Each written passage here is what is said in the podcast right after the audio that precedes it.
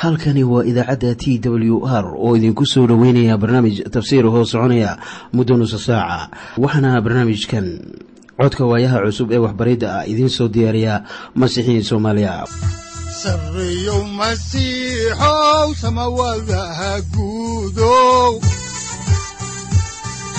Siraadkii adduunkow subanaha eebow sareyow masiixow samawadaha guudow siraadkii adduunkow subanaha eebow adigoo samaada jiro ifkaan soo saldhiganba adigoo samaada jiro ifkaan soo saldhiganba kutubtiisanaye udanogu saaciiday sharxin sifahaaga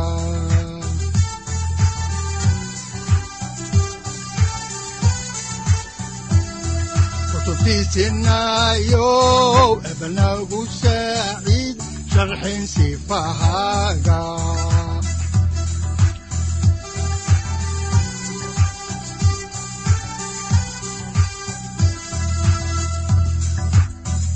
satirow ilaahow adanku su'aalne satirow ilaahow adanku su'aalne mar kale ayaanu dhegaystayaal idinku soo dhoweyneynaa barnaamijka waxaana aanu caaway mar kale idin bilaabi doonaa barnaamijkii taxanaha ahaa oo aad jeclaydeen ee dhexmarka kitaabka quduuska waa barnaamij aanu ku rogrogayno baalasha kitaabka bibaleka uu ka kooban yahay. Haddii uu ahaan lahaa kutubtii axdigii hore ama kuwa axdiga cusub waxaa kitaabkan uu ka kooban yahay lix iyo lixdan kitaab toddoba iyo labaatan kitaab.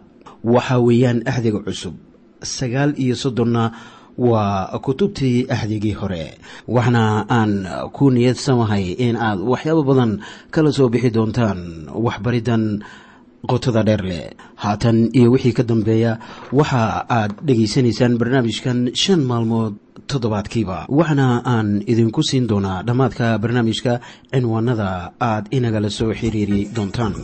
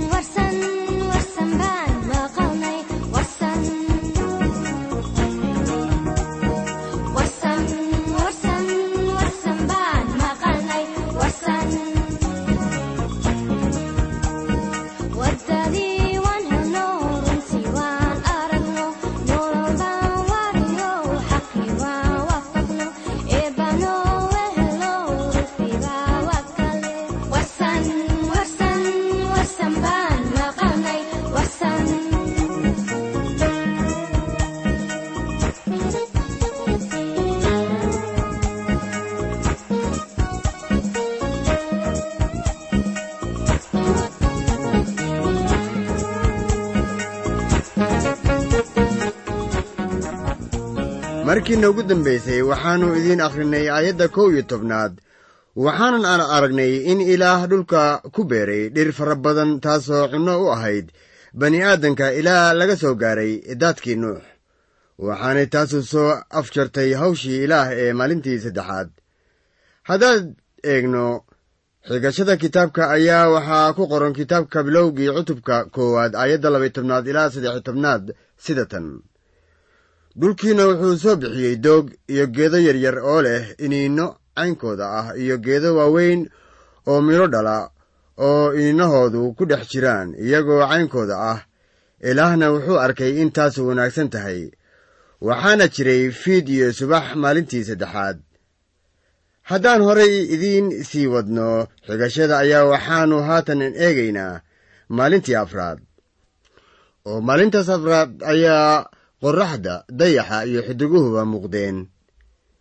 Si bal aynu arrinkaas wax uga ogaanno ayaannu eegaynaa kitaabka bilowgii cutubkiisa koowaad aayadda afar iyo tobnaad waxaana qoran sida tan.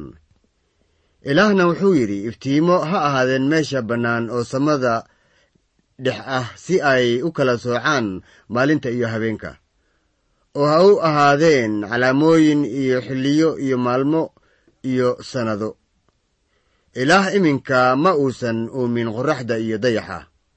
Weligood halkaas ayay jireen ama joogeen. Ilaah wuxuu haatan soo dhex istaajiyey samada ay haatan joogaan. Haddaan horay u sii ambaqaadno kitaabka bilowgii ayaannu eegaynaa. Cutubkiisa koowaad aayadda shan iyo tobnaad ilaa lixyo tobnaad waxaana qoran sida tan. Oo iftiimaha u noqdeen meeshii bannaanayd oo samada dhex ahayd si ay u iftiimiyaan dhulka dushiisa. Sidaasayna ahaatay. Oo ilaah wuxuu sameeyey labada iftiin ee waaweyn. Si uu iftiinka weynu u xukumo maalinta iftiinka yaruna u xukumo habeenka. Oo xidigahana wuu sameeyey. Mid ka mid ah labadaas iftiin ayay ahayd inuu maalinta xukumo ama ilays siiyo. Waana qorraxda tan maalinta iftiimisa dayaxa xitaa wuxuu sameeyaa shaqo wanaagsan habeenka. Garan maayo sida ay adiga kula tahay laakiin markii aan xaaskayga guursanayay waxaan go'aanka guurka u sheegay habeen dayax afar iyo tobnaad ahi jiro. Waxaan idinku leeyahay dayaxa ayaa habeenka xukuma. Sida hubaasha ah. Waxaa dabadeeto la raaciyey ereyo gaaban oo leh oo xidigahana wuu sameeyey. Taasina waa shaqo aad u weyn laakiin isaga way u sahlanayd. Wuxuu ahaa john wesley ki yidhi ilaah samada iyo dhulkuu uumay dhibna kalama kulmin. Markaana waxaan idinku leeyahay oo xidigahana wuu sameeyey. Haddaan horay u sii ambaqaadno kitaabka bilowgii ayaannu haatan eegaynaa cutubkiisa koowaad aayadda toddoba iyo tobnaad ilaa iyo siddeed iyo tobnaad waxaana qoran sida tan ilaahna wuxuu iyaga dhigay meeshii bannaanayd oo samada dhex ahayd si ay dhulka u iftiimiyaan oo ay u xukumaan maalinta iyo habeenka oo ay iftiinka uga soocaan gudcurka ilaahna wuxuu arkay in taas wanaagsan tahay waxaad haddaba inta ku arkaysaa in ilaah yahay kan gudcurkii ka soocay iftiinka waayo waa isaga kan keliya ee leh awoodda sidaas lagu yeelo. Waryaa miyaad garanaysaa in ilaah weli sidaas yeelo? Beryaha kan dambe waxaa jira dad su'aal ka qaba farqiga u dhexeeya runta iyo beenta. Saaxiib calaamadii waa la dhigay. Haddaba sidee baynu ku ogaanaynaa waxa runta ah iyo waxa beenta ah. Ilaah wuxuu ka hadlaa runta. Ilaah waxaa kaloo uu ina siinayaa qaynuunno. Ilaah wuxuu kala soocay iftiinka iyo gudcurkii sidaas oo kale ayay xumaanta iyo wanaagguna u kala duwan yihiin. Waa ilaah oo keliya kan kala sooci karaya oo welina wuu kala soocayaa runta iyo beenta iyo waxa kaloo la midka ahba haddaan sharaxaadda kitaabka halkaa ka sii wadno ayaannu eegaynaa kitaabka bilowgii cutubkiisa koowaad aayadda sagaal iyo tobnaad. Waxaana qoran sida tan oo waxaana jiray fiid iyo subax maalintii afraad. Haatanna aynu eegno maalintii shanaad. Oo maalintaas ayaa waxaa bilowday nolosha xayawaanka. Haddaan arrinkaas ka eegno kitaabka bilowga ayaa waxaa ku qoran cutubkan koowaad aayaddiisa labaatanaad sida tan oo ilaah wuxuu yidhi biyuhu aad ha u soo bixiyeen uun dhaqdhaqaaqa oo badan oo naf nool leh. Hadduna ha duusho dhulka dushiisa xagga meeshii bannaanayd oo samada dhex ahayd. Haddaba wax weliba bilow bay leeyihiin oo markii aynu eegno sidii ilaah dunida u uumay waxaa caddaan noqonaysaa inaan wax weliba ka bilaaban unugyo laakiin ilaah baa uumay wax weliba noocooda ama ceynkooda ilaah wuxuu yidhi biyuhu aad ha u soo bixiyeen uun dhaqdhaqaaqa oo badan. Markaana aayadda xigta ayaa leh oo ceynkooda dhala. Haddaba kelimadda ceynkooda ayaan loo nisbayn karin. Qaybo sida nimanka khubarada ahi ay ka markhaati yihiin laakiin intaa way ka sii macaani dheer tahay ereygaas waxa uu noqonayaa micne ahaan faylum. Waxaan akhriyey in nin khabiir ah yidhi waxaan raadinayaa erey kale oo matala noocooda. Haddaba waxaa jira nin brofesor ah oo aynu saaxiibo nahay. Ninkaasu wuxuu ku cineeyey baxaaligooda oo macaani ahaan noqonaya nooc isku mid ah dabiicad ahaan haddaba ilaah wuxuu abuuray wax weliba si ay wax kastoo uu sameeyeyba ay noocooda u soo saaraan. Waxaa kaloo jira horumar iyo dhicitaan haddaan ereyga qoran halkii ka sii wadno ayaa waxaa ku qoran kitaabkii koowaad ee muuse oo loo yaqaano bilowgii cutubkiisa koowaad aayadda kow iyo labaatanaad sida tan.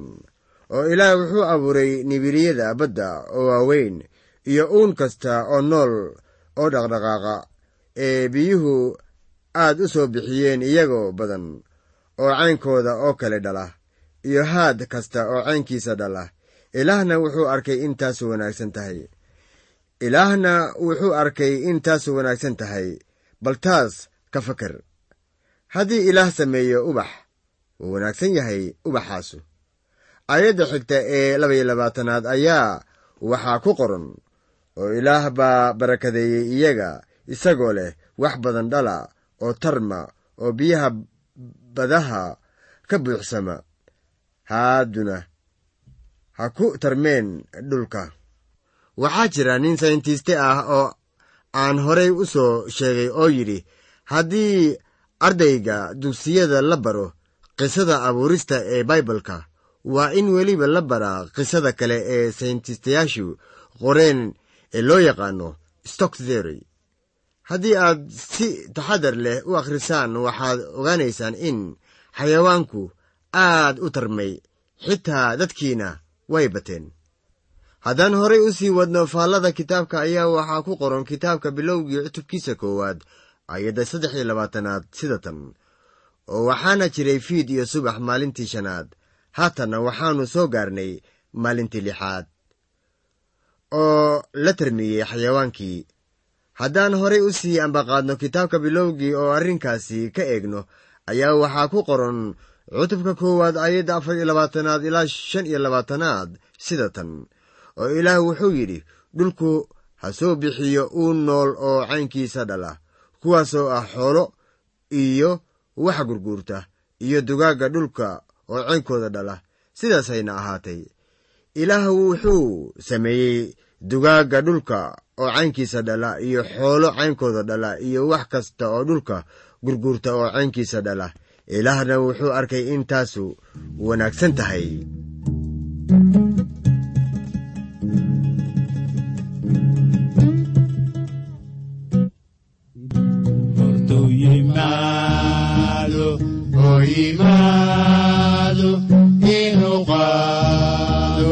daakiisa kuwa qudusan oo nadiifsan oo lagu mayray dhiigiisa sida xidig bay u nuurayaan wawarkiisa jannada sida xidig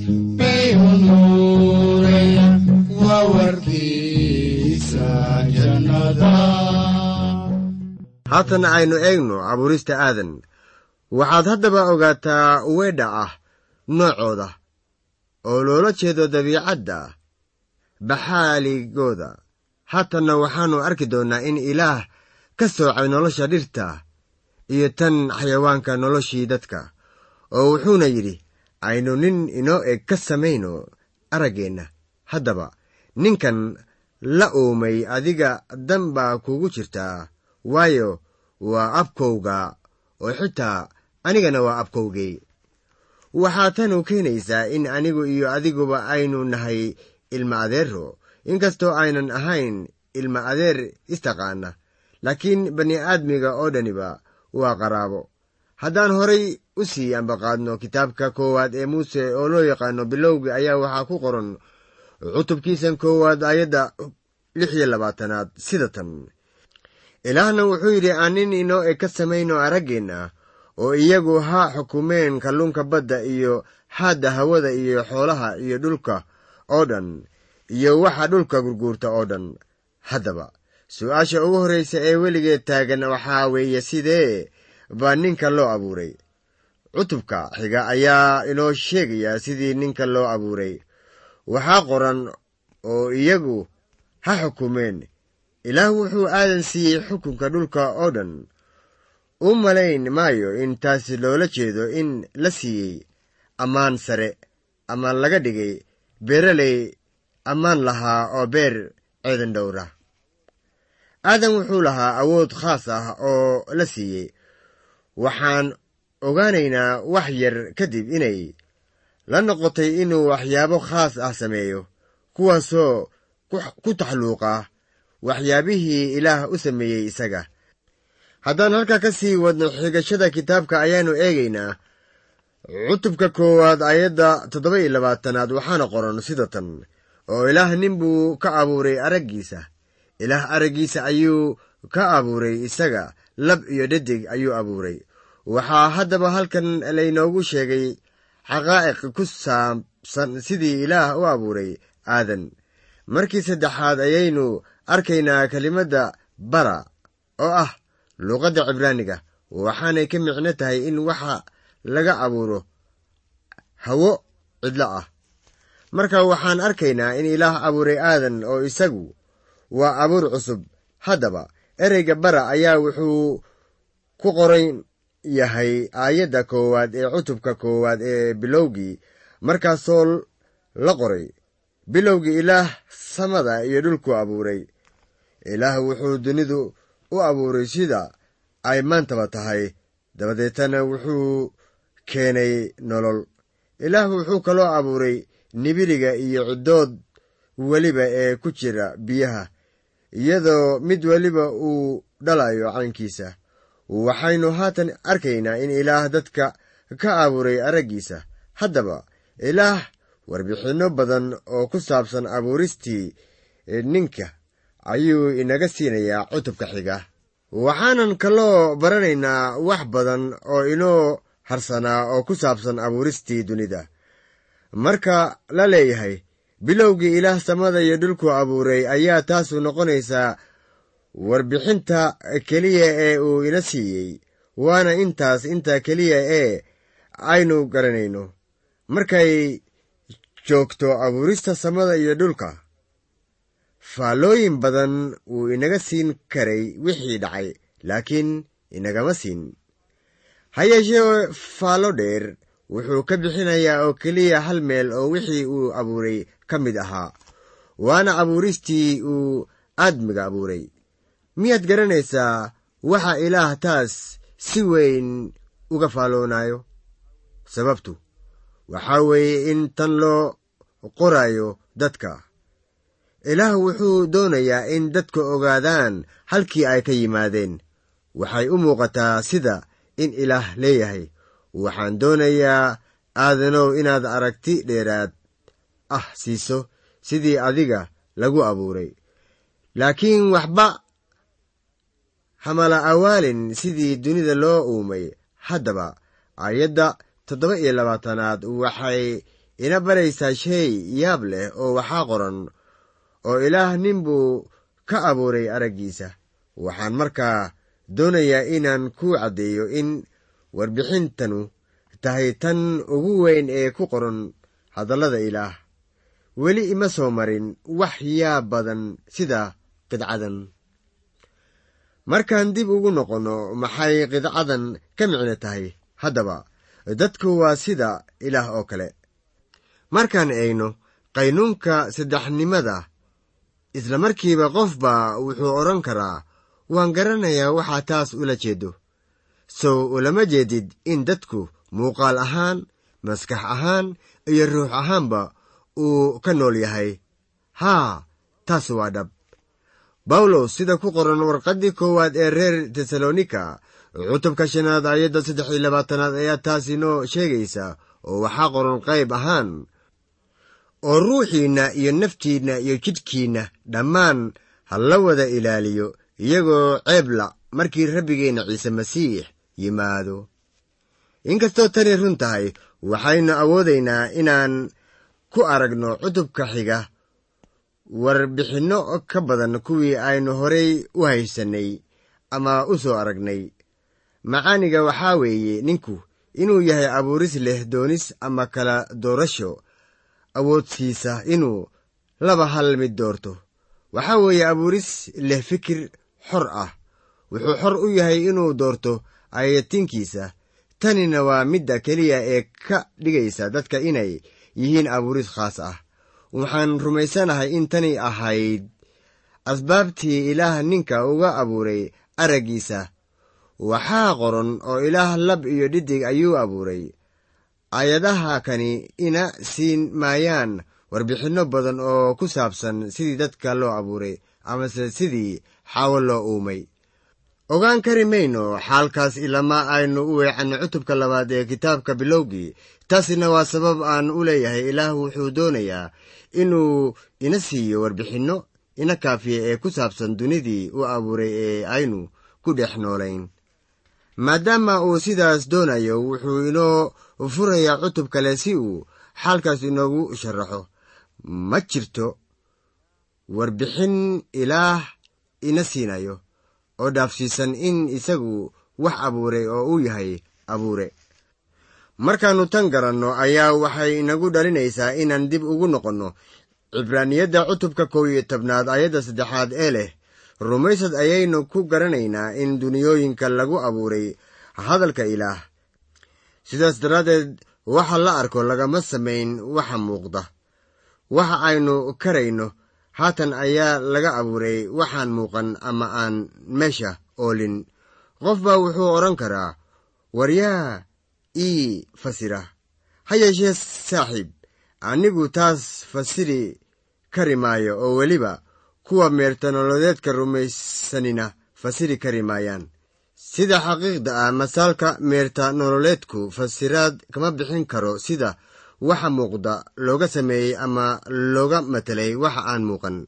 Masaalka meerta nololeedku wuxuu ka hadlaa walax bakteriya amoeba dabagebin ama dhirta badda ee leh midab buluug ah amase xayawaanka geedaha in noloshu ka soo asaasantay.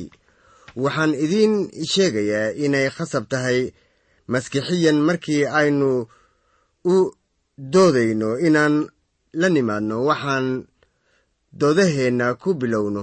Ha yeeshee baibalku wuxuu ka bilaabayaa doodiisa waxaan muuqan oo wuxuu leeyahay ilaah baa wax uumay taasuna waa wax cutubkani uu inoo muujin doono haddaan mar kale milicsanno kitaabka bilowgii cutubkiisa koowaad aayadda siddeed iyo labaatanaad ayaa waxaa qoran oo ilaah waa barakadeeyey iyaga oo ilaah wuxuu iyaga ku yidhi wax badan dhala oo tarma oo dhulka ka buuxsama oo ka saramara dhulka oo xukuma kalluunka badda iyo haadda hawada iyo wax kasta oo nool oo dhulka kor dhaqdhaqaaqa.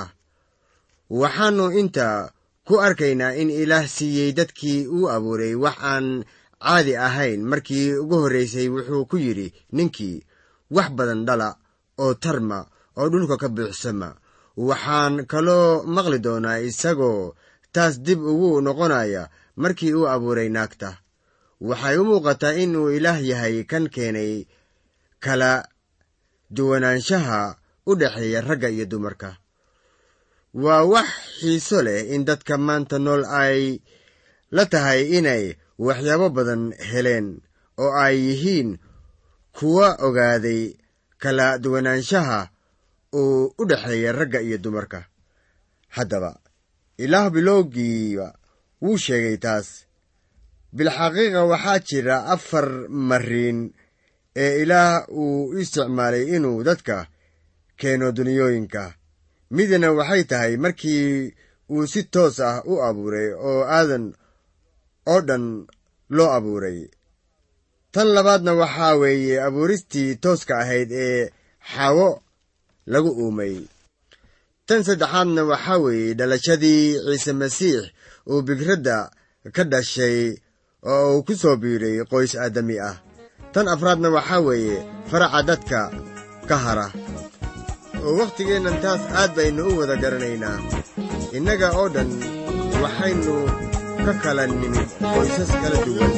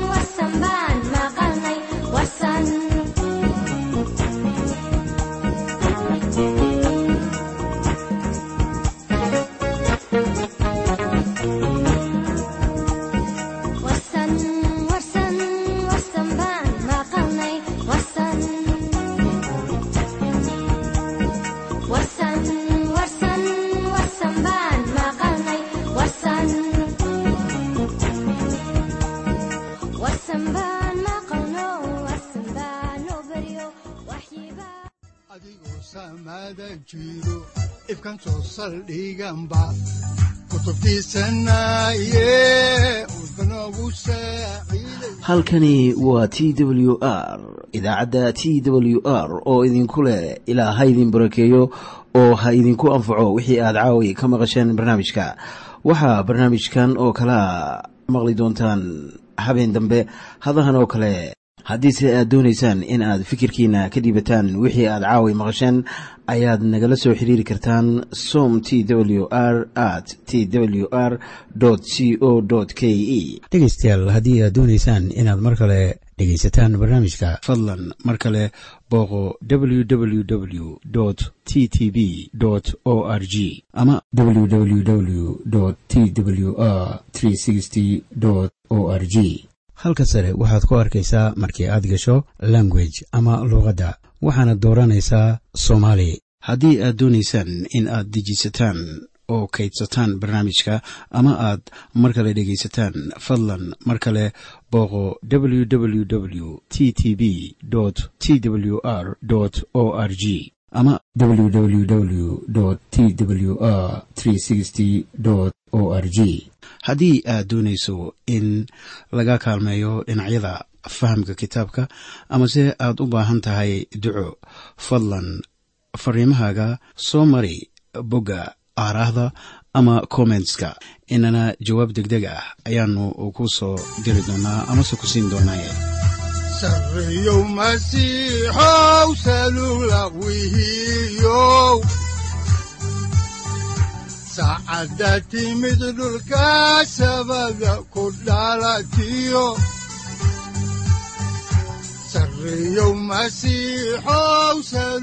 halkani waa t w r oo idiin rajaynaya habeen baraare iyo barwaaqaba leh inta aynu ka gaari doono wakhti aynu ku kulanno barnaamij la mida kan caawayay aad maqasheen. Waxa aan idinku leeyahay nabadda ciise masiix ha idinku badato xagga jidhka iyo ruuxaba. Aamiin